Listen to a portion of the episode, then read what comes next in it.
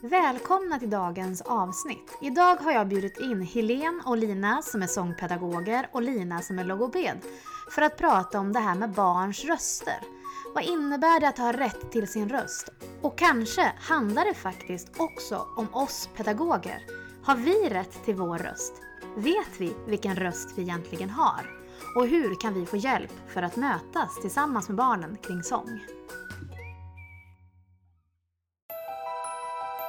Välkommen till Förskolefundror!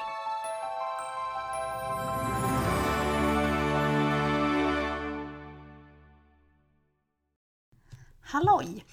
Eh, idag ska vi göra på ett lite annat sätt att göra podden. Eh, jag tänkte nämligen berätta lite grann om mina tankar inför dagens poddavsnitt och varför jag tycker att det är viktigt att göra den här podden. Eh, och det handlar lite grann om det här med musik i förskolan. Jag kan uppleva att vi nu har ganska stort fokus på det här med undervisning. Att försöka förstå det vi håller på med.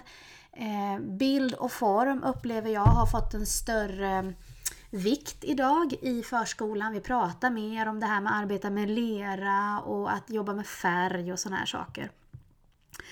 Men vi har liksom någonstans tappat bort det musikaliska någonstans. Alltså det här med sång och barn, barnsång och röst och sådär. Någonting som förskolan har ett ganska starkt kulturarv ifrån.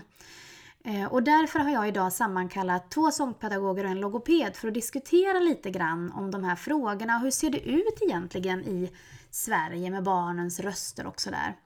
Och det kommer ifrån att jag kan se att Eh, dels utifrån vad jag har fått till mig på sociala medier när man har ställt någon fråga sådär att, att det handlar väldigt mycket om våran egen känsla av vår röst. Att eh, man kanske säger att man sjunger hellre än att sjunga i, eh, i ett högt läge till exempel. Som ska vara bättre för barnens röster till exempel. och så.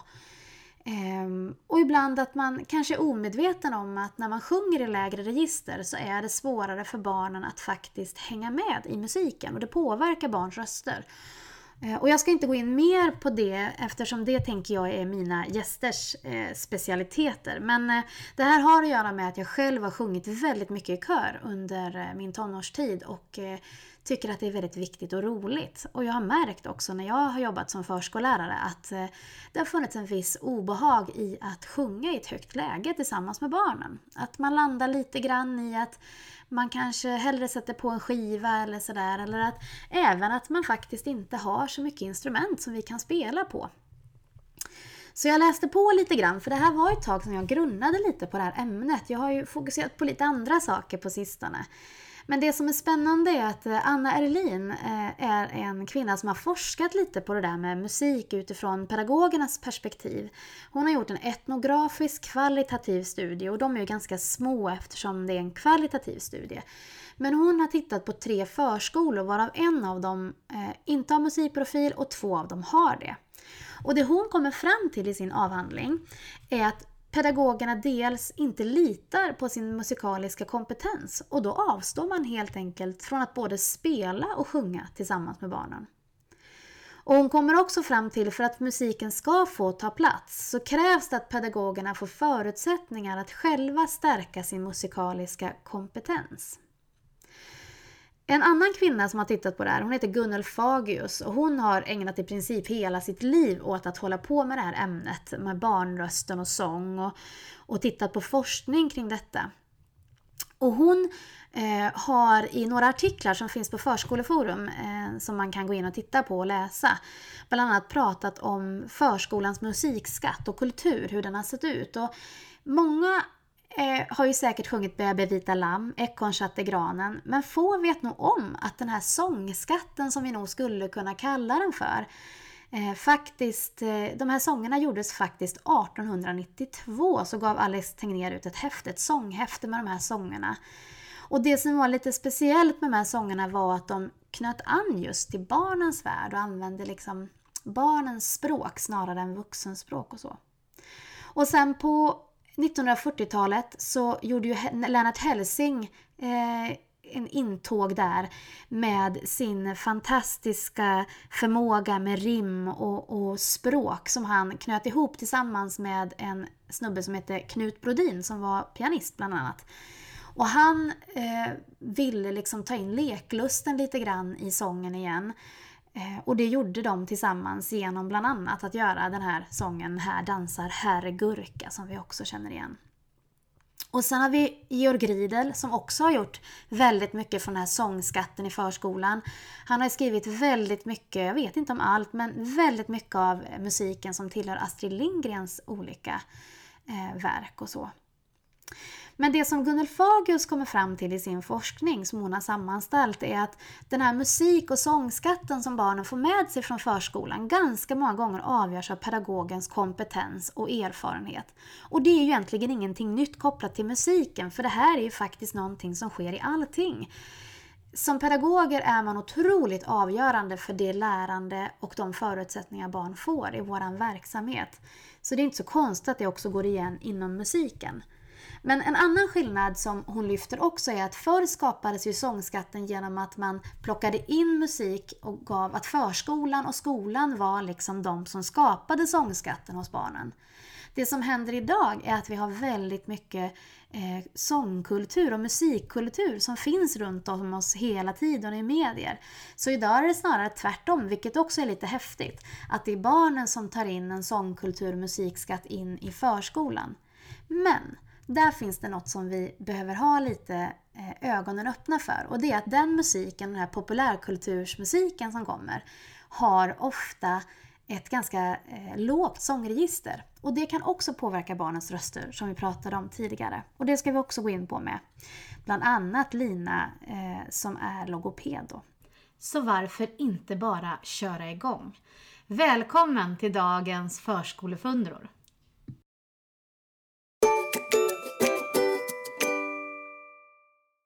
Ska vi se. Hör du mig Lina? Nu! Har du dålig täckning där ute i nya placet? Nu funkar det. Jag har, jag har lite dålig uppkoppling. Jag ser att Lina är på gång där borta också. Lina är på gång! Har ni hittat någonting som ni kan spela in ert ljud med? Lina CB är klar. Jag kör dub dubbelzoom. Jaha, jag får heta Lina C då, då kanske är enklare då. Eh, Helene, har du hittat en extern inspelning? Vad kul att se dig, vad snygg du är. Ja, det är bara överdelen. Ja, ja, ja. Jag, ibland, jag kommer sitta så här för min mick den är liksom lite större än eran. Den är så här stor. Ooh. Eh, och den står här. Ja. Det där ser också extremt proffsigt ut, Erika. Med en sån stor... Eh, som om vi vore mitt i radio. På riktigt. Ja, det är lite så. Jag vet inte hur mycket funktionerna den här micken ger om jag ska vara riktigt ärlig. Men, eh, men det ser ju proffsigt ut, så det är ju bra. Den är säkert skitbra för de som vet hur den funkar.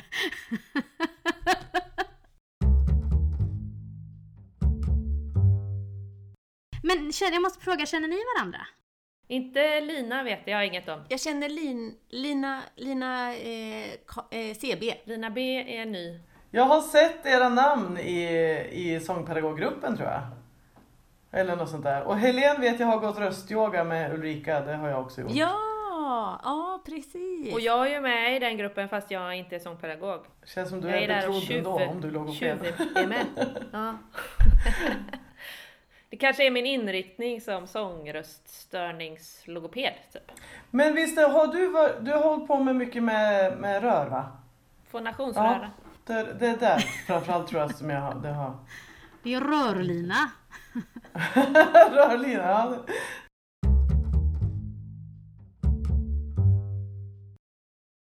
Spännande. Hörni, det glappade här förut när jag skulle fråga er, eh, eller jag tänker, ni, jag tänker så här, det är bättre att ni får presentera er själva, så inte jag säger något som inte stämmer. Ja, eh, jag heter då Lina Bjarnegård Karlsson, är logoped och har i min egen verksamhet inriktat mig på röst och sångröststörningar som kanske ligger då i talröstens funktion snarare att det är därför då som man inte får till det med sångrösten och jobbar väldigt tätt tillsammans med sångpedagoger och andra som, som också är eh, liksom experter på, på detta område.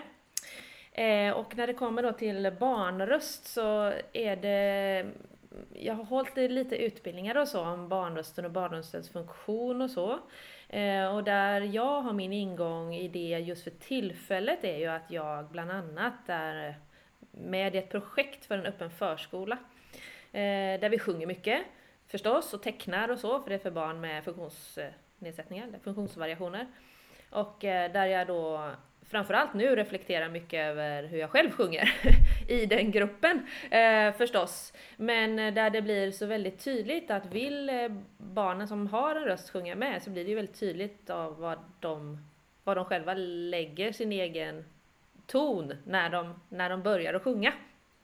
Eh, och eh, eh, i övrigt så är det ju mest det här med, med eh, barnröster och var, varför blir de hesa, vad är det som gör att eh, man kan få en röstpatient som är så ung ibland, alltså som inte ens är tio år liksom.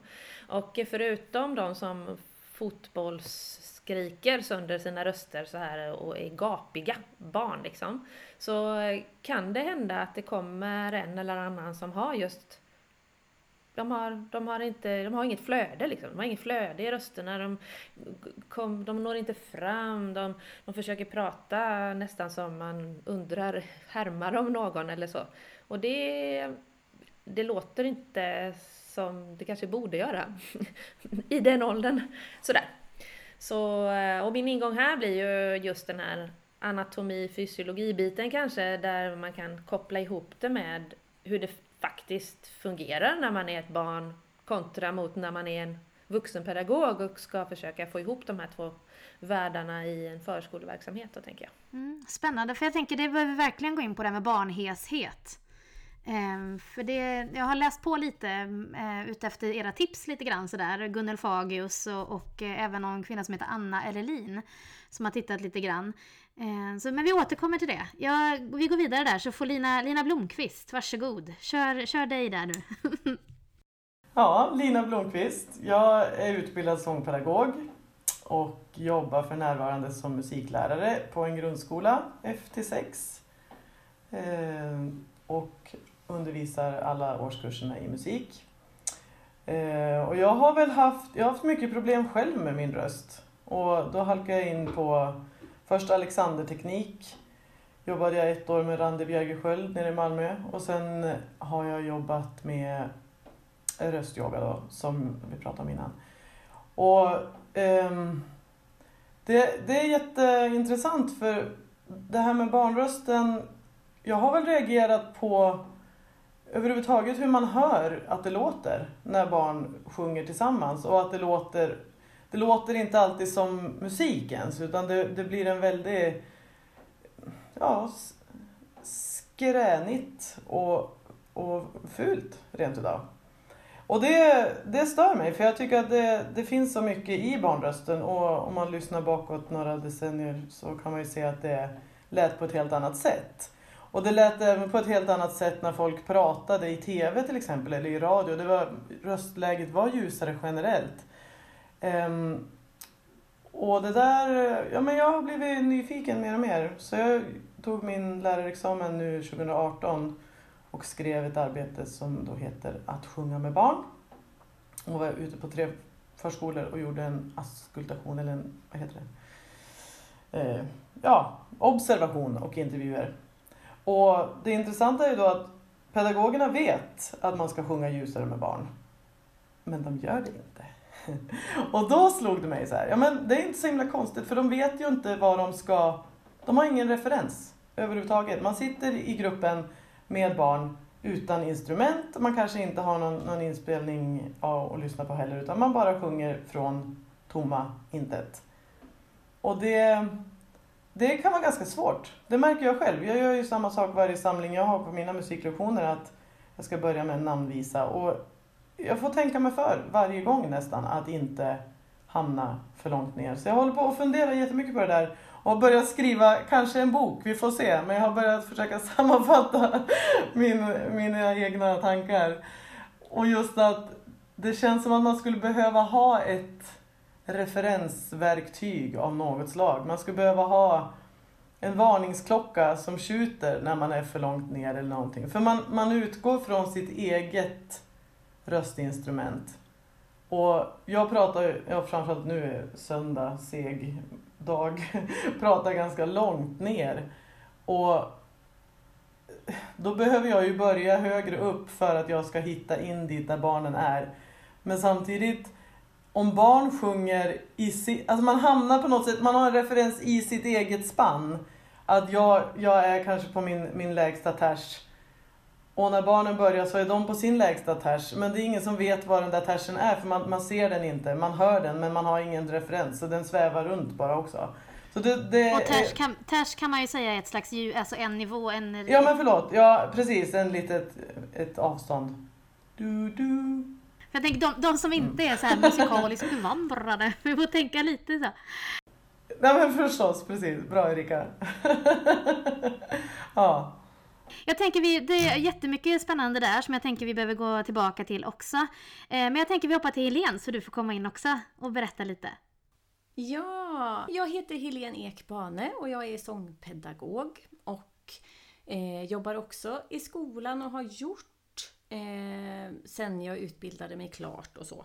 Eh, och jag, det som, som vad ska man säga, det, det som, som genomsyrar hela min min liksom verksamhet är ju röstutveckling. Eller att, och det i sig har ju också med personlig utveckling att göra. Vågar jag ta den här tonen? Vågar jag utmana mina gränser? Och det här är ju en sån enormt intressant process. Och när det kommer till barn och barnsång så är det ju mycket där begränsningarna sitter. Vad är det för signaler vi sänder ut med att bara spela upp från eh, skiva. Vad är det som händer med barnen när vi inte vågar testa? Jag tänker den här referens, referensen som man kanske behöver ha mycket, mycket mer är ju barnen själva, tänker jag. De är ju kanske de bästa läromästarna för att de ligger ju hela tiden i det röstläge som de vill vara i. Eh, så att det, det är det här som är utmaningen tycker jag och det som är Eh, det mest intressanta det är just det här hur de egna tankarna kring begränsningar hör, hänger ihop med den prestation och den eh, möjlighet till prestation som vi har med våra röster.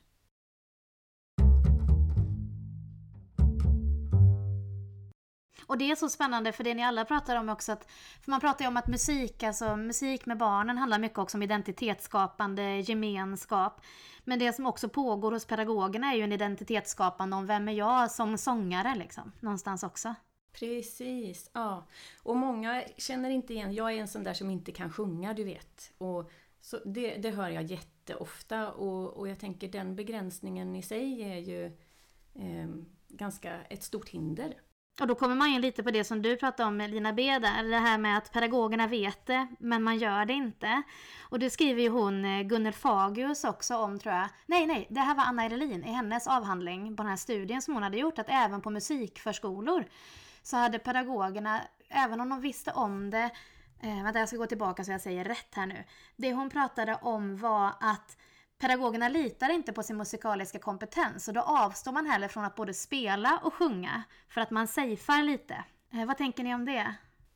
Jag, tänker, jag tänker så här att vi behöver ha eh, tydliga signaler från, eh, från Skolverket, kanske till och med. Eh, vad är det som står i läroplanerna så att utbildningarna ser till, det här handlar ju om att lära sig ett hantverk. Det gör man inte bara genom en inspirationsföreläsning eller, eh, för det handlar om att man ska lära sig bemästra sin röst. Och de flesta eh, känner någon form av censur när man är bland andra vuxna. Kanske det är mycket lättare med barnen i barngrupp kanske att experimentera och testa och eh, göra övningar som, som faktiskt stärker ens egen röst också. Men, men just den här censuren Eh, nej men jag tror att man, vi behöver se att det är ett mycket, i ett mycket längre perspektiv. Det behöver eh, finnas utrymme för att hinna lära sig saker och ting som har med rösten att göra. Och sen tänker jag, det handlar också om det här med vetenskaplig grund och beprövad erfarenhet som står i, i skollagen. För där tänker jag, om vi nu vet om att barns röster inte mår bra av att sjunga i ett lågt läge, men vi väljer att frångå det, så frångår man ju också någonstans skollagen om man är riktigt så här hård, hård eh, driven liksom. Eh, för jag har ju märkt när jag har lagt ut frågan på sociala medier så kan det vara så här, ja men det är ju bättre att vi sjunger överhuvudtaget än att vi inte sjunger alls. Och man nästan sådär kastar ifrån sig det här att vadå, det är ju inte vad är risken då om man sjunger i för lågt läge? Lina, du var inne på det. Vad är liksom de största riskerna om man sjunger i sitt bekväma läge själv? Liksom? Ja, alltså så här kan man väl bara berätta väldigt kort då att eh, barns stämband är ju otroligt mycket kortare än våra vuxna stämband. Vilket gör att de eh, låter ljusa. Det är, det, det är därför man hör om, det, om, om man är ett barn när de pratar. Så de är väldigt korta och de har inte samma kapacitet som en vuxens. Så eh, jag skulle väl inte säga att det finns så här Eh, eh, alltså ris riskerna, ja, jag skulle säga kanske att risken är väl att man blir tyst. Det tycker jag är en risk hos barn, tysta barn. Eh, jag tycker att det är en eh, risk att, alltså barnheshet i, när de är sådär små, det är oftast någon mer funktionell. Men så fort de kommer upp lite i ålder, alltså vi säger skol, skolålder, när man börjar kanske mer ha lite musiklektioner och så, då, är det, då finns det ju risk också för att man har man inte fått med sig någon sång och något flöde där i, i, i sången så kan det vara så att man har liksom inte, man vet inte att det går att stretcha ut sina stämband och göra ljud. Ibland så tänker jag, gör ljud! Ni behöver inte alltid sjunga, ni kan leka liksom ljud, bara att rösterna får vara fria och spännas ut och liksom utforskas. Ehm, men just det här att, att eh, man inte får den här flexibiliteten i sin röst gör ju att när man sen kommer upp lite i, i ålder så blir det ju mycket, mycket svårare för att muskelminnet för de här små musklerna som är liksom det här med artikulation, det är också liksom små muskler, det är därför det är det sista vi lär oss motoriskt, det är att forma ljuden liksom i munnen med tungan och så. Och det är ju likadant med de små, små musklerna här som ska samarbeta. Och har du inte då den kapaciteten och flexibiliteten i med dig in så blir det ju mycket svårare och då får vi de här som bara blir väldigt entoniga. Och för de har inte hört själva att oh, kolla vad det här ljudet gör, åh, oh, det här känns i kroppen, och oh, kan vi göra de här? Det finns liksom inte paletten, paletten av ljud. Är det de som sen kan utvecklas till att bli vad man kallar för brummare, de som har svårt att hitta toner och så? Är det, är det, kan det vara liksom en effekt av det också? Jag skulle gissa på det i alla fall. Det, det är ju eh, så här, eh, ton, tondövhet diskuteras det ju också lite om att ja, men det finns, finns det verkligen, existerar det så? Men jag eh, kan ju tänka att sådana, alltså de som är vuxna idag som jag känner som fortfarande är där, eh, de har inte med sig, de kan liksom själva säga att ja, men jag har inte med mig riktigt någon sång direkt från från skolan, eller jag fick alltid höra att jag skulle vara tyst eller sådär. Gud vad hemskt! Um, så ja, det är, väldigt, det är väldigt hemskt att du får, inte, du får inte vara med. Och då är det ju sådana som är i, alltså har, har ändå haft mer sång i skolan på kanske på, på lektionstid också. Som när jag var liten när vi sjöng varje morgon i skolan. och så. Det där är ju så himla intressant just för att vi har ju också sångutvecklingskurvor, precis som språkutvecklingskurvor, som gör att vi i vissa faser fokuserar vi mer på text än vad vi gör på tonsäkerheten. Och sen mot slutet, och det här är ju en process som tar ganska lång tid och det är ingen som säger att när man är sju år så ska man sjunga på det här sättet och eh, när man är tio så är det på det här sättet. Så det följer liksom inte åldersmässigt heller. Så att Många har ju kanske fått höra när de är 8-9 år, du kan inte sjunga för att någon vuxen eller någon annan som, som är runt omkring har tyckt att Nej, men du sjunger inte till rätt toner medan det kan vara helt i sin ordning i den sångutvecklingsfas som man är i. Så att det ena alltså jag tänker att, och där stannar vi också upp då. Så att de här som du pratar om Lina, det är ju sådana som kanske, om den hade bara fått några månader till eller ett år till så hade det liksom lossnat. Jag tänker också på det, det här med brummare, för jag hade ett sånt tydligt exempel på en sån, eh, ett barn som gick i årskurs två tror jag när jag träffade henne första gången. Och hon eh, låg verkligen bara på en ton i sig och hade ganska pressad talröst, ganska så här. Och vi lekte, precis som du sa Lina, med, med olika ljud och, och men hoa som en indian och bara hittar det här, den ljusare klangen som är för många vuxna tror jag väldigt otäck. om man inte är van att använda den. Och att ehm, på något sätt när hon kunde acceptera att, att prova låta med den rösten och sen prova att sjunga bara med den till en början. Så, så helt plötsligt så hade hon ett gehör. Hon var med och sjöng i, i de sånger vi hade. Och det, alltså den upplevelsen, jag, åh, den kommer jag alltid att bära med mig.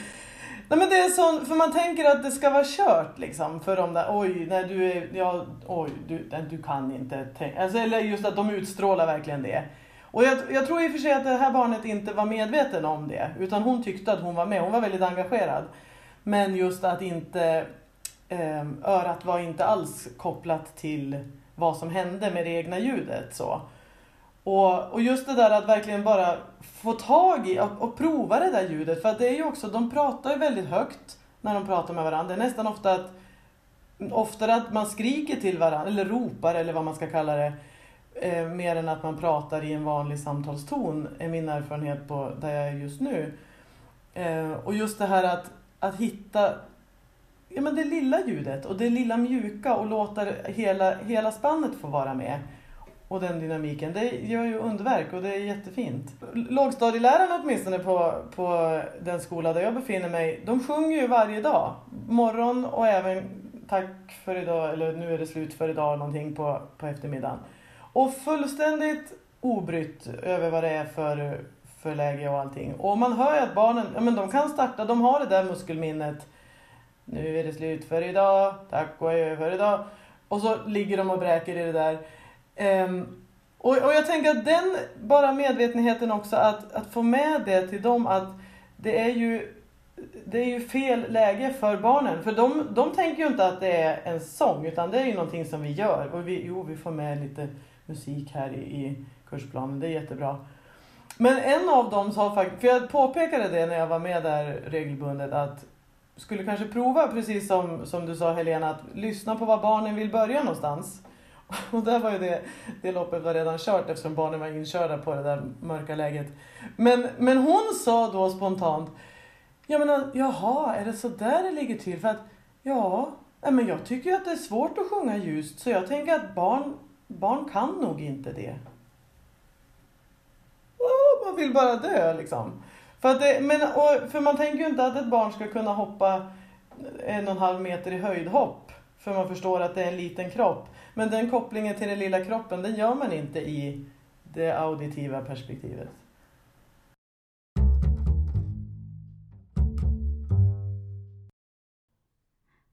Men sen tänker jag också vad man går miste om. Man går ju, alltså dels, eftersom dels handlar det ju om självbilden av vad man kan och inte kan. Som sen säkert då följer med upp när man börjar jobba som lärare till exempel. Att ja, men, jag är inte så bra på det här. Och dels också tänker jag den här det här också vikten av en gemenskap, att kunna sjunga tillsammans. För dels läraren som kanske inte upplever att man når eleverna, de här eleverna kan inte sjunga. Och elever som känner att vi kan, eller jag kan inte vara med i den här sången för jag, jag häng, alltså, hänger ni med på vad jag vill mena där? Att man, man missar en gemenskap i någonting som man faktiskt egentligen inte har fått förutsättningar att kunna vara en del av. Och, och, där tänker jag ju att sången borde kunna få prioriteras eftersom att det är ett gratis instrument. Det kan alla skolor ha råd med för att vi, eleverna har det själva. Eh, och det, det, är helt oberoende på vilket eh, hur mycket pengar man har eller var man bor. Eller, alltså det är så demokratiskt instrument och jag tänker att det är så synd att man inte tar tillvara på det. Ehm, och då menar jag inte att förskollärarna, det här ska ju absolut inte ligga på förskollärarna utan det här ska ju ligga mycket, mycket högre upp i, i, i utbildningskedjan, i utbildningsväsendet så att säga. Ja, och det tycker jag syns i läroplanen att man har minskat, alltså det har ju varit en diskussion länge, de här estetiska ämnena överlag, hur mycket plats får de ta i skolan? Fastän det man missar är att de är grundläggande för att kunna ta till sig av de här mer abstrakta ämnena egentligen. Och det har man ju missat helt när man börjar prata läroplaner. Eh, Lina, du vill hoppa in där, Lina, Lina Bay. ja, eh, Gunnel Fagerus nämndes ju här tidigare och jag var faktiskt när jag träffade henne i december, för hon hade läst min examensuppsats eh, där och tyckte att det var intressant. Och det var så himla spännande för hon berättade just att nu har jag inga årtal, men någonstans, om det kan ha varit på 60-talet, så slu... Du vet vad jag ska säga? 1969 kan jag ju säga då, om, det, om jag tror att det är det du ska säga. Jajamensan, jag har läst på! ja, så slutade man eh, ha inträdesprov i sång och piano, eller sång och orgel, för de som sökte till förskollärarutbildningen, lärarutbildningen. Eh, och det är väl där vi kan se ja, konsekvensen av det nu. Liksom. Att man har fullständigt trappat ner. Och det kanske var pretentiöst att man upplevde det då att man måste sitta och spela orgel och sjunga. Men alltså det är ju verkligen en sån, ja, nej jag tror det var en stor miss. Verkligen. Men där handlade det ju om att vara, vara färdig när man kom in i stort sett. Ja. Alltså jag tänker, eh, man borde ju kunna eh, utvecklas under utbildningens gång. Så... Oh ja, ja. Ja men verkligen, det hade ju, där kan vi ju rädda det liksom nu. Att man verkligen har, och att man är, ja, är tvungen eller på säga. Det låter ju hårt. Men alltså det är ju, eftersom det används som ett verktyg så flitigt. Och jag tänker på en förskola, nog fasen har man sångsamling åtminstone en gång i veckan. Och förmodligen en gång om dagen, minst. Om vi har så tur. det är ju... Vad sa du? Tyvärr, om vi har tur. För jag kan ju se en... Ja, är det så? Du kanske har mer fakta än det? Ja. Nej, jag kan uppleva att det finns en degradering för att man har inte kunskapen.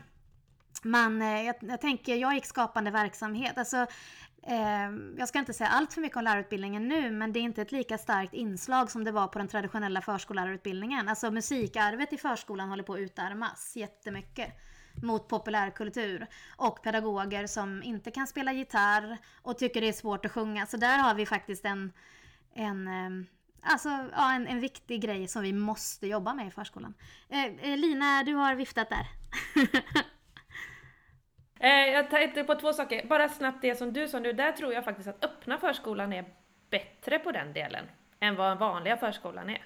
Varför är det så då? Jag vet inte, kanske för att det är lite friare och de är så små barn. Jag vet, jag vet, jag vet faktiskt inte det. Men jag tycker att jag ser det nu i dessa tider då eftersom detta spelas in under Corona. Så är det många ändå öppna förskolor som lägger ut, precis som vi har gjort, sångsamlingar och det är tecken och man leker med gubbar och de är väldigt fria i sina uttryck. Det är både sagoläsning och pop-up-lek och sånt. Eh, som jag inte alls har sett på i alla fall de förskolorna som jag har varit i kontakt med, med mina egna barn. Um, och sen så skulle jag vilja säga just det här med ingen, ingen sång och piano längre på utbildningen, att det är ju överhuvudtaget väldigt dåligt med röstutbildning på lärarutbildningarna. Det är ju, alltså som logoped kan jag ju säga att det är ju, alltså om man bara ser till lärarröster talröster så är ju de överrepresenterade hos logopedmottagningen. Och ser man då till att man dessutom då skulle ha någon form av utbildning också i sångröst, både hos lärarna men också i förhållande till barnen, så det, det går ju bara, tänker jag, på nästan intresse hos pedagogen själv, alltså studenten. Vi har ju ingenting, ingenting alls. Det säger hon Gunnel Fagius också, att det är liksom avgörande att eller om jag blandar ihop henne med Anna, hon är Anna, att, de, att det är avgörande att alltså de, den musikutbildning eller den musikbildning som barn får är avgörande pedagogens kompetens och erfarenhet. Liksom. Eh, och då tänker jag om då den här sångskatten alltmer utarmas och den generation som växer upp också, alltså för vi pratar både kultur och teknik egentligen här. Vi pratar om flera olika saker. Eh, och jag tror också att det här när man på öppna förskolan sjunger så tänker jag att här känner vi inte familjerna lika väl. Och där har vi ju sångskatten som ett sätt att connecta med varandra. Så då sjunger vi för den, Bebe vita lamm, den borde ju ni kunna också. Och föräldrarna kan den kanske oftast i alla fall. Men just detta, jag tror det, just det här som, eh, som, eh, nu minns jag inte vem av er andra som sa det, men just det här att det blir en gemenskap kring, alltså det här med sången, att det också för kanske barn som annars inte skulle träffats eh, tillsammans på en skola eller över gränserna inom socioekonomiska aspekter eller också titta på El Sistema liksom. Hela världen kan sjunga ihop en låt även om man inte förstår ett ord av det liksom. Där är ju också öppna förskolan det kommer ju, de som kommer kommer och det kan komma nya familjer varje vecka och det som gör att man kan få en gemensam stund är ju själva samlingen kring sjunga, spela, lite rytminstrument, utforska lite, kanske kommer någon från kulturskolan och har något pass liksom då och då. Men eh, så jobb, jag kan ju inte förskolevärlden tillräckligt väl men jag tror inte att det är, det är inte samma Nej, men jag undrar också om det finns en problematik med den här gemenskapen, att man som kollega för ibland, det pratar vi ibland om att vuxna vill connecta med varandra, att man tappar liksom gruppen för att det är viktigt att alla vuxna kan vara med och sjunga den här sången. Eh, att man också där kanske lägger tonläget lägre för att vi ska kunna hjälpas åt i sången. Alltså att det, det kan också vara ett hinder någonstans in i den här, att det finns två delar av gemenskapen. Att vi kanske fokuserar på fel gemenskap ibland. Alltså jag bara, jag bara filosoferar och tänker, men jag tänker att det är också, för vi är väldigt beroende av vad andra vuxna tänker om oss. Snarare än barnen, oftast, många gånger.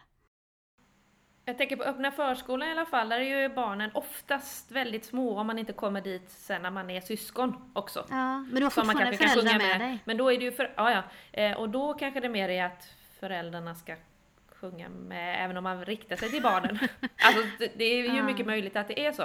Men jag tänker också att det finns många föräldrar som inte vågar sjunga med sina barn hemma. Så. Men går de till öppna förskolan så ja. får de ju i alla hemskt, liksom. fall, så får de i alla fall med sig ett gäng sånger som de kan sjunga. Ja. Men vi kanske inte kan undervisa föräldrarna också. Eller kanske vi kan kanske, till slut. Kanske. Ett nationellt upprop. Ja.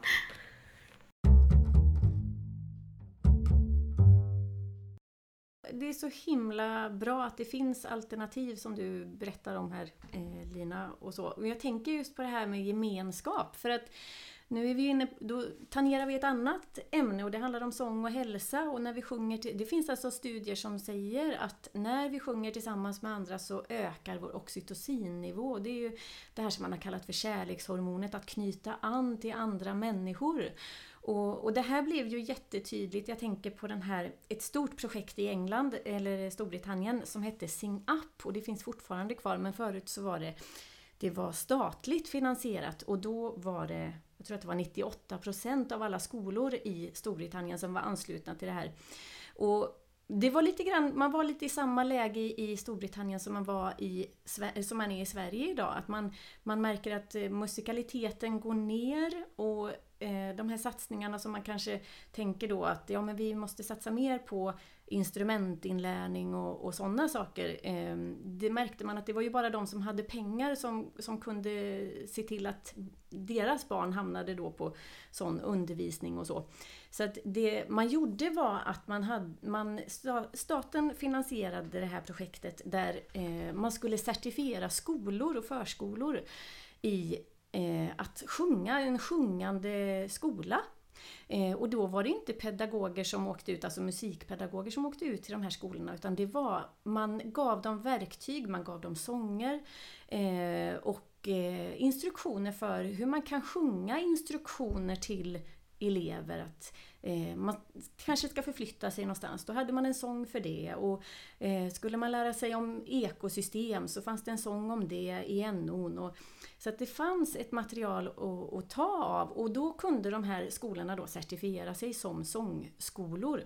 Och I och med att det var statligt finansierat så behövde man ju också dokumentera effekterna av det här och det man såg var just för de här eleverna som kanske eh, hade svårast socialt, kanske att komma in i grupper och så, så kunde man se att de hade en självklar plats. Eh, och även att kunskapsutvecklingen blev, eh, blev större. Alltså de, de... Gud vad fräckt! Ja!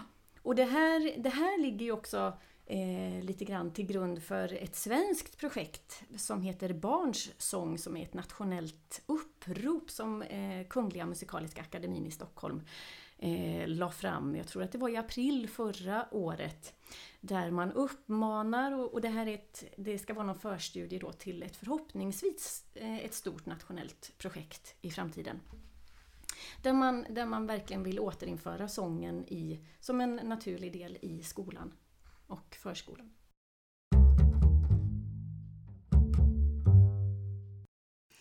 Eh, jag vill gå tillbaka lite till barns röster, för det, också, det skriver hon, Gunnel Fagius också om, det här med att förr så skapades sångskatterna och sångutbildningen i skolan och i förskolan någonstans med alla de här eh, Georg Riedel och Lennart Hellsing och, och, Alice Tegnér och dem. Men nu är det snarare så, vilket på ett sätt är häftigt, att eh, populärkultursmusiken kommer in i förskola och skola och blir liksom sångskatten någonstans på ett helt annat sätt. Och där vet man ju inte om då, eller tänker kanske inte på att det är lägre Alltså det är ett lägre register de här sångerna går i till exempel. Det måste ju också påverka. Jag vet inte Lina, Lina, Lina BC där uppe, eller Lina C. Har du, tänker du utifrån liksom logopedperspektivet in där, hur påverkar det barns röster? Alltså barn lär sig ju allting genom att härma. Från det att vi, de föds. Alltså så. Och eh, är det någonting som vi som blir föräldrar och har våra spädbarn hos oss eh, börjar med så är det ju att man går upp och kanske pratar lite. Det gör alla per automatik. Men någonstans så slutar vi ju med det här. Att vi inte pratar så här med dem längre. Och... Förutom om man har hund. Då fortsätter man med det. ja. Det, det är möjligt. Eller kissemiss ja. eller något annat litet gulligt djur kanske. Ja. Nej men, eh, och jag tror att eh, det finns ju, och det här, nu ger jag mig kanske in på djupt vatten här, jag vet inte, men inom sångpedagogiken också så finns det ju eh, diskussioner om de som har, de som spelar in eller de som blir artister eller så nu, som inte heller har en utbildning i botten utan som blir det av, alltså som blir artister helt enkelt. Och så. Och, och då, de kanske man inte kan ställa några krav på ifall de gör en barnskiva att de ska eh, sjunga i, i detta ljusa. Så här, jag hör till exempel, vad heter han, Anders... Eh, Oh, nu har jag glömt hans namn. Ja, han som var eh, programledare och lite sånt också. Spelar jättemycket barnskivor och allting går i någon slags självbrummande läge. Och det är klart att vill man sjunga med där så går det ju inte på ett annat sätt. Och det är ju inte de klassiska barnsångerna som man vet är skrivna för barns röster. Alltså det var väl, tror jag, så förr. Så det här att barn härmar oss, både i hur vi pratar och vad vi gör och hur vi låter, men också då hur vi sjunger. Det blir, det blir en, det är en effekt av hur det har, hur det har blivit i samhället lite grann tror jag. Och också detta, jag tänker bara få backa till de här hög, att man är högljudd. Jag tror också det här att det, eh, en orsak till det också är ju att man hör inte hur man låter på samma sätt när man trycker på liksom för att bryta igenom någon slags ljudbarriär eller, eller ska härma de här rösterna då som kanske är lite mer pop, poppiga, som, som utgår mer ifrån sin talrösten hos de vuxna då, eller någon slags eh, bröströst som ju, det finns ju liksom inte riktigt den uppdelningen när man är barn. Man har en röst och sen får man kanske fler. Så att jag skulle väl säga eh, när jag själv har lyssnat och försöker hitta på Spotify och så för att spela upp, då ratar jag ju nästan allt som jag hör för att det är för lågt. Och även sådana här jättefina böcker som man kan ta hem och köpa liksom med förinspelat liksom pianokomp och så. Man kan sjunga alla barnvisorna fast de är ju för låga.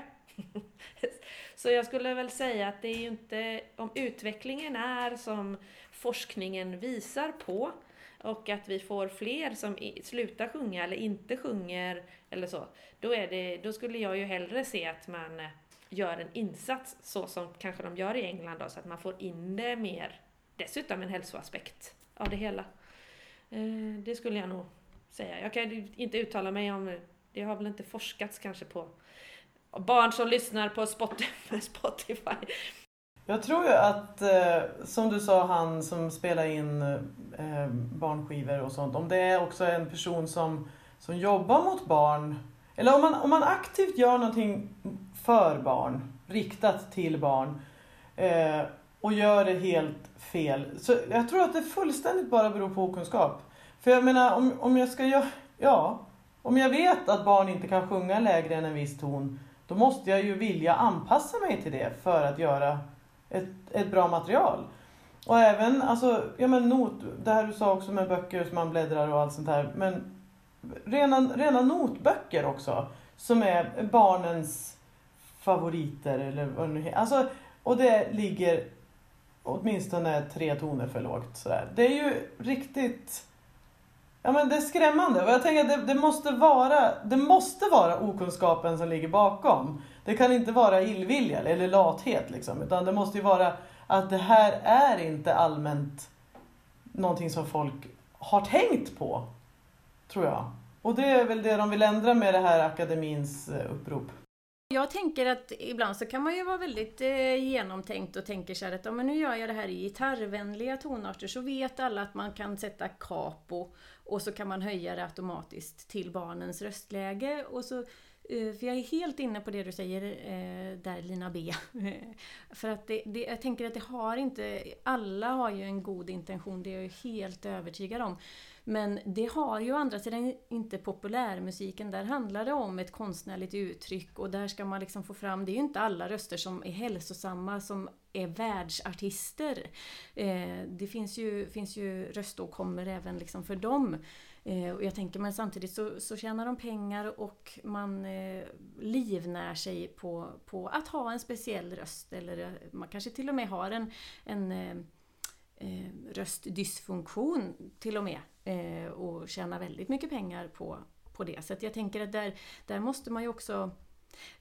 Och det jag kan känna är väl så här att när man, nu vet ju inte jag hur det är i förskolan och så, men jag tänker ju att det är helt fantastiska pedagoger som bara vill, vill göra allt rätt på alla sätt och vis. Och, och, och, där kanske det också är så här att det här blir ett enkel, en enkel utväg att sätta på. Eh, för att eh, man har så många saker och många arbetsuppgifter under en dag eh, att man kanske inte tar sig tid eller hinner. Man kanske inte ges förutsättningarna att ta sig den tiden att, att öva själv och testa själv. Och... Ja, jag tänker också det här med, sto med stora barngrupper och buller också. Klasserna är otroligt mycket större så man måste ju också vara mer högljudd för att bryta igenom kanske också i det. Det finns så många delar av detta som man skulle vilja sätta samman till, till en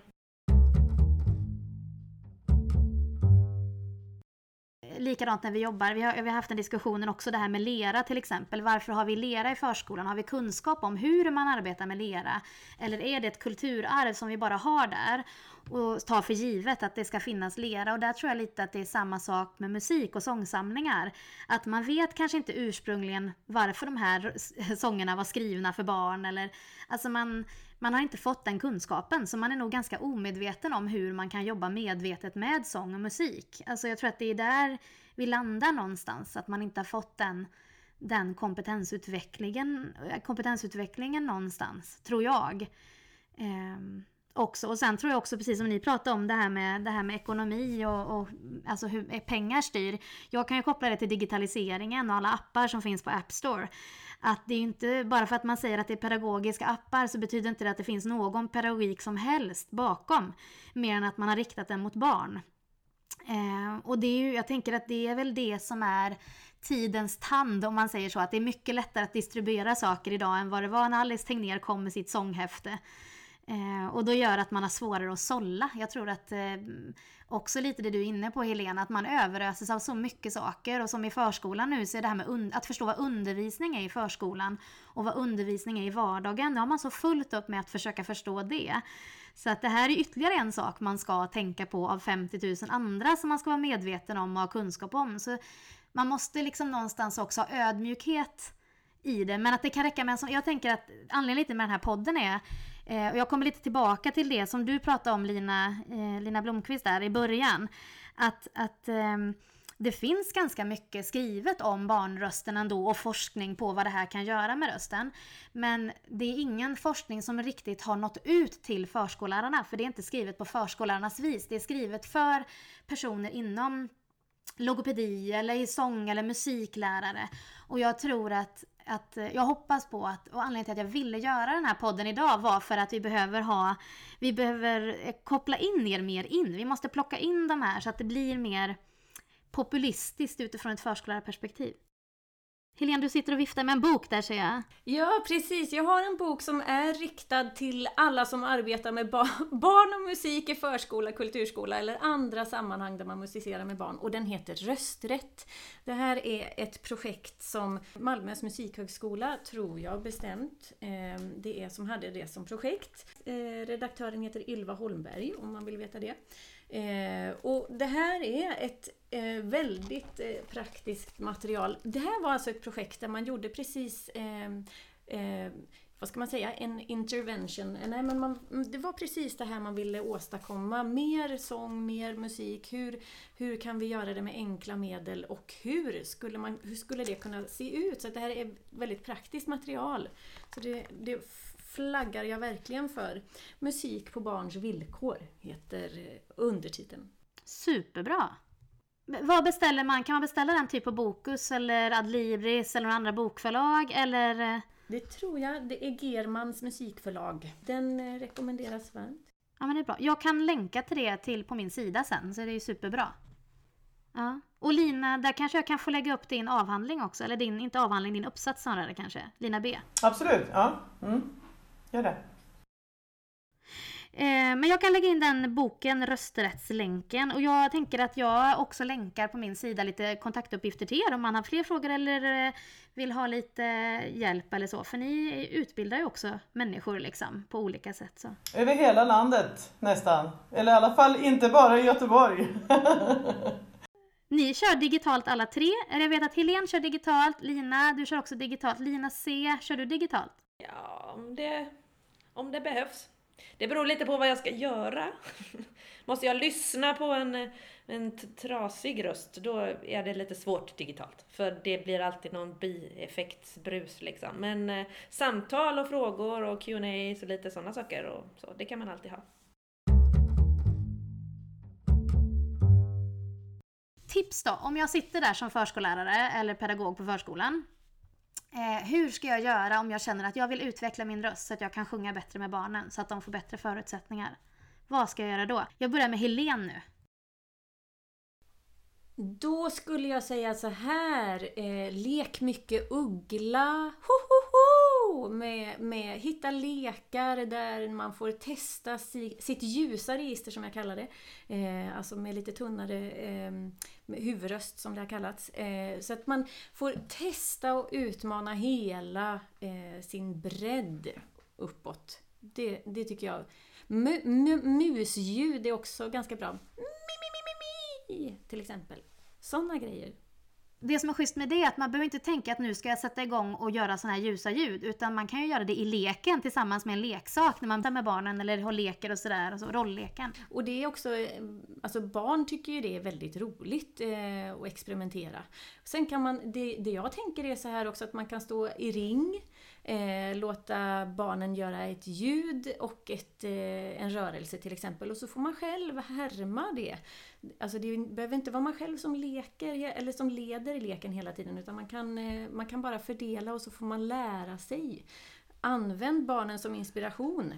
Och mycket sång som barn sjunger, det, är ju inte, det behöver ju inte vara alltså sånger. Det behöver ju inte vara från vår visskatt, det behöver ju inte vara, alltså det kan ju vara i lek. Alltså det är ju fantastiskt att höra barn när de, eh, när de kommunicerar eller att de eh, sitter och målar och, och så. Så jag tänker inspireras av att lyssna och vara uppmärksam.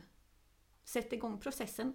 Ja, och där vill jag lägga till att där handlar det om att man som pedagog är uppmärksam. Jag vet, jag hade ett barn som höll på att bygga ett högt torn och hon kunde säga högre, högre, högre, högre. Alltså det var ju ett sätt för henne att, att, samtidigt, det blir ju, för det är också tydligt om man vet vad barnen håller på med, så kan man se att de ljudar och använder kropp och ljud och allting för att bearbeta och reflektera över det de håller på med. Så jag tänker att det kan handla om att bara skärpa öronen för vad som redan sker, faktiskt också. Precis! Ja, och inte vara så rädd för att testa, för att det är ju det här, lägger man ner tillräckligt med tid så börjar man också behärska det här muskulärt och kunna använda sig av det när man sjunger. För att det är ju det det handlar om. Vi behöver ju vänja musklerna vid att användas. Mm. Mm. Toppen! Tack Helene! Jag hoppar över till nästa sångpedagog då, så tar vi sångpedagogerna först. Ja, eh, jag håller med. Jag tycker det var ett jättebra förslag från Helene. Och, och just att prova att sjunga sånger även på, alltså om man nu säger att man sjunger som en uggla, att prova att sjunga hela sången och låta som en uggla och sjunga hela sången och låta som en mus. Eh, jag har en liten sån uppvärmningsövning som jag gör med mina barn i skolan att, att just, och nu sjunger vi gnälligt och nu sjunger vi stort. Och, nu, och det blir, de, de tänker ju inte på vad de gör då och helt plötsligt så har de kommit väldigt sprängt alla gränser som de trodde de hade. Lite grann som när kråkorna, när kråkorna klappar takten lite grann. Ja, ja. absolut. Fantastiskt. Ja. Uh, nej men och jag tänker också om man på, på individnivå känner att det här, det här vet, jag vet inte om jag gör rätt, jag vet inte var jag är, jag vet inte, jag har ingen koll. Då är det ju bara att kontakta en sångpedagog och ta kanske en lektion bara för att få en bekräftelse på att jag är på rätt spår eller så här kan du tänka och så här kan du prova. För ofta kan det ju vara även, eh, som du sa Lina, att man behöver, allt barn lär sig genom att härma. Och för en vuxen också att bara få höra vilket ljud är det, ja men den där ljusa rösten, vilket ljud är det? Jag vet inte vad jag är, jag vet inte hur det låter. Och så får man e-, ett exempel och så provar man och så får man, ja, där, där har du det. Aha, okej, okay, ja men då så. För som sagt, det är en sån osäkerhet i det där och en, en rädsla att, att göra fel. Och ofta alla duktiga flickor som sitter i, i barnomsorgen. Och så så att jag tror absolut att det, det finns massor att, att åstadkomma. Tack Lina. Vi går över till nästa Lina. Ja, vad ska jag tillägga som inte redan är sagt? Eh, jag har ju nog egentligen inte något eh, mer än att också tänka att just eh, alltså det, om man tycker att det är besvärligt med sin sångröst, om det liksom är hindret, att göra det då istället med sin talröst som gör en, ett, en nivå innan, men i det registret. Så just det här med att eh, läsa sagor, det här att läsa sagor med olika röster till exempel, eller eh, man kan ju göra ljud kring vad som helst, ett barn kommer och visar en teckning, ja ah, den där var ritat den, ah, hur låter den? Just det här att man säger hur låter, hur låter det? Kanske låter den så här. Alltså, det spelar inte så stor roll vad man gör för något, bara man in i den rörelsen, alltså eftersom vi har med muskler att göra, om vi nu ska bli lite anatomiska och fysiologiska, så blir vi ju bra på det vi övar på. Och om man då vill öva upp den där lilla rösten, då måste vi dit. Och hur vi tar oss dit kanske inte spelar så stor roll, men vi måste våga oss dit. Och om det då är lättare att göra via sin talröst. Så det, vi pratar ju egentligen inte där uppe men vi kan ju i alla fall leka där. Då kanske det blir lite mindre farligt. För att en boj, boj, boj, boj, boj, boj, boj, boj, boj, boj, boj, boj. Alltså det är inte så stora skillnader mellan ljudet just och sångljudet, eller sångdelen just. Så att man tänker att det är träning, det är rörelse vi håller på med och då också ta med kroppen eller ta med något annat. Ja. Så att jag tror just det här eh, är man lite rädd för att bara sjunga så får man nog lura sig själv också. Alltså man får utmana sig att lura sig själv att ta sig dit på ett annat vis, eller vad man säger. För annars kanske det blir ett helt stopp och då kanske vi istället blockerar ännu mer eller så. Så jag tror på lekfullheten med ljud överhuvudtaget. Alltså fingerdockor, djur, och tränar du på något så blir du ofta bättre på det och då blir du också tryggare. För att jag tror att det handlar också om att jobba i ett arbetslag med att, in, alltså att bli trygg bland sina kollegor. Eh, just det här med identiteten kring hur man låter och vad man ska göra. Att det inte är någon så här, ja ah, men hon är så bra på att sjunga, det är bara hon som kan. Alltså att det här hur man tänker, apropå min käpphäst med identitetsdelen kring det hela. Att eh, Ja men, för vem är det som är kritisk? Jo, det är ju andra vuxna. Barn skiter ju i det. De bara gör ju. Det, det, de är inte kritiska. Överhuvudtaget. Lina, ville du lägga in någonting där? Ja, jag tänker just om man pratar arbetslagen, att, att också se till att gå samman och trycka till sin chef att det här är någonting som vi verkligen behöver. Och kanske även på större, alltså man behöver inte hålla sin, man kan tänka regionsvis också för det är ju, jag vet i den här rösträttsboken så hade man, jag tror det var obligatorisk eh, kör, eller sångträning i grupp för förskollärare. Obligatoriskt. För om jag tänker också om det erbjuds ja då är det ju den som vill och den som redan sjunger som kommer att gå. Men just de här som, som faktiskt inte vill för att man inte törs, eller som, nej det där är ju inget för mig. Att, att även de får ta plats och får, får rätt. För det är ju mycket det ordet man syftar på också, rätt till sin röst. Att, eh, men att gå samman, för det är ju Ja, och som sagt, jag tyckte det var ett jättebra argument Helena, att, att det är ett gratis instrument. Så, som varenda levande människa har tillgång till. Det sitter inbyggt för fasen. Det som jag brukar säga, eftersom jag tecknar ganska mycket och sjunger, att den här alternativa kommunikationen har du alltid med dig. Så det är väldigt bra att ha, kunna lite tecken till exempel. Nu, nu pekar Lina på sina händer, eller viftar med dem. Det ser ju inte ni i podden. Ja, ah, förlåt. Just det, jag ser, sitter ju här. Helene, du ser ut som du viftade och ville säga något. Mm, men jag tror att jag kanske glömde det. Vad det var. Nej men jag håller verkligen med det här med, med alltså, eh, det som du säger Lina, eh, att, att vi måste trycka på våra arbetsgivare och kanske ännu högre upp att vi behöver, vi behöver jobba eh, eh, på alla, alla håll och kanter som vi kan. Det ska bli spännande att följa det här, den här nationella uppropet, eller vad, sa, vad kallar du det? Nationellt det är ett nationellt upprop, Barns sång, KMA. För det hade varit jättespännande att följa. Den länken får du lägga med Erika också. Vad sa du? Lägg med den, den länken också. Ja, absolut. Det kan jag göra. Helene, vad sa du? Jo, jag kom på vad det var. Jo, jag, alltså, som pedagog är man ofta väldigt bra på att uppmuntra andra, men man är inte Alltså jag tänker i det här läget så kanske man inte är så himla bra på att uppmuntra sig själv och det hoppas jag verkligen att man vågar vara. Uppmuntra alla former av framsteg och eh, ansträngningar man gör för att det, det, är ju det är inte helt lätt. Och stötta varandra. Om man är två stycken som Alltså lek med varandra och uppmuntra varandra i arbetslaget. Att, eh, att eh, man alltså hejar på varandra. För jag tror också det här med att vara ödmjuk mot varandra och veta att man är i en lärprocess. Bara det att säga det. Jag håller på att lära mig att sjunga lite ljusare. Så har man liksom större förståelse och det kan ta bort lite av den här prestationsångesten man har. Om man sitter och gör det utan att säga till kollegorna. Att man tränar på att vända eller ändra sin röst lite grann så.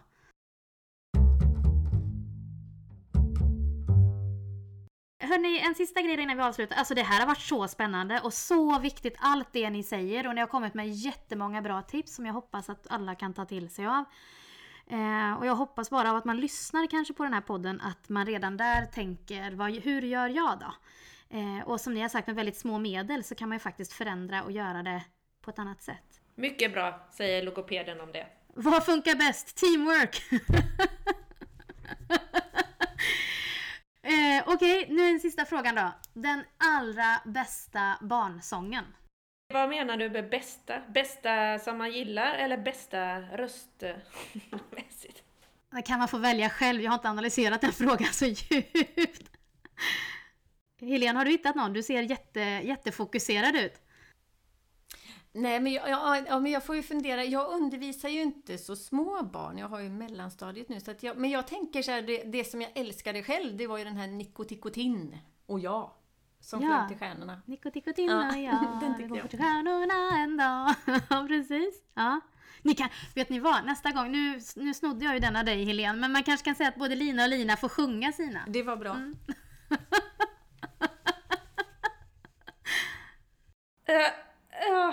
Det var lite prestation i den. eh, och så ska det vara någon rolig kanske då. Ja, det var ju kanske den svåraste frågan idag Erika, faktiskt. Man får välja vad man vill.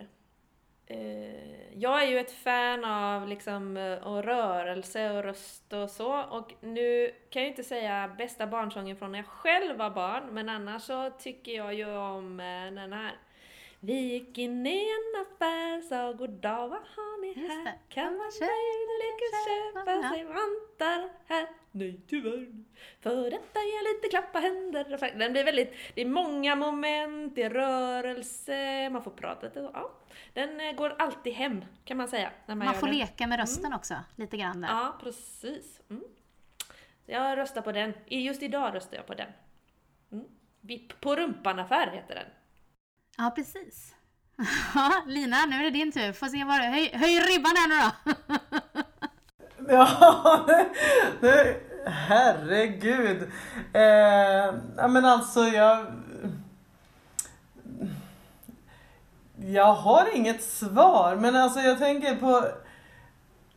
Nej, det... Blinka lilla stjärna där. ja, den är um, allmänbildning. Gud vad gött. Mm. Jag, jag svarar bl blinka. Blinka lilla stjärna är allmänbildning, det kan vara poddens namn. ja. ja, men, men det finns ju så otroligt mycket fina om liksom värdegrund och alltså fina. När jag hoppar in och sjunger någonting sådär rent spontant så är alltid den där eh, Nyss så träffade jag en krokodil som körde runt i en bil. Och det är nog mest för att man får göra det där trumpetljudet som den är roligast. Måste jag säga. Ja, nej, jag skulle bara säga att jag tycker det är helt fantastiskt att du tar dig den här tiden för det här Erika och att du är så påläst och att du brinner för det här. För att det här, det finns ett jättestort behov, precis så som du säger, att, att man behöver liksom brygga över glappet eh, så att det här kommer från alla håll. Vi behöver jobba från gräs, alltså vi behöver jobba från pedagoghåll, vi behöver jobba från, från eh, alltså, trycka på skolverk eller vad, Jag tror att du och jag pratade om det Erika, någonting med Skolinspektionen. Att eh, kom, skulle det komma rapporter från Skolinspektionen där, där man sa att det här eh, missköttes eller någonting, då skulle Skolverket snabbt ändra det här och då skulle också lärarutbildningarna också ändra. Jag tänker att vi behöver jobba på alla fronter för det är akut. Intressanta personer, det är bra. Det finns så mycket kompetens Oj, oj, oj, så mycket kompetens det finns som inte folk vet om. Här sitter ju fyra stycken. Inte minst. Ja, det är härligt. Ja, ni är grymma. Jättekul att ni tog er tid så här en söndag. Eh, himlans roligt. Tack för förtroendet. Hej då! Vad roligt att se er. Yes. Okej. Okay. Hej då. Tack för idag. Hej då. Hej då. Håll er friska. Tvätta händerna. Hej då.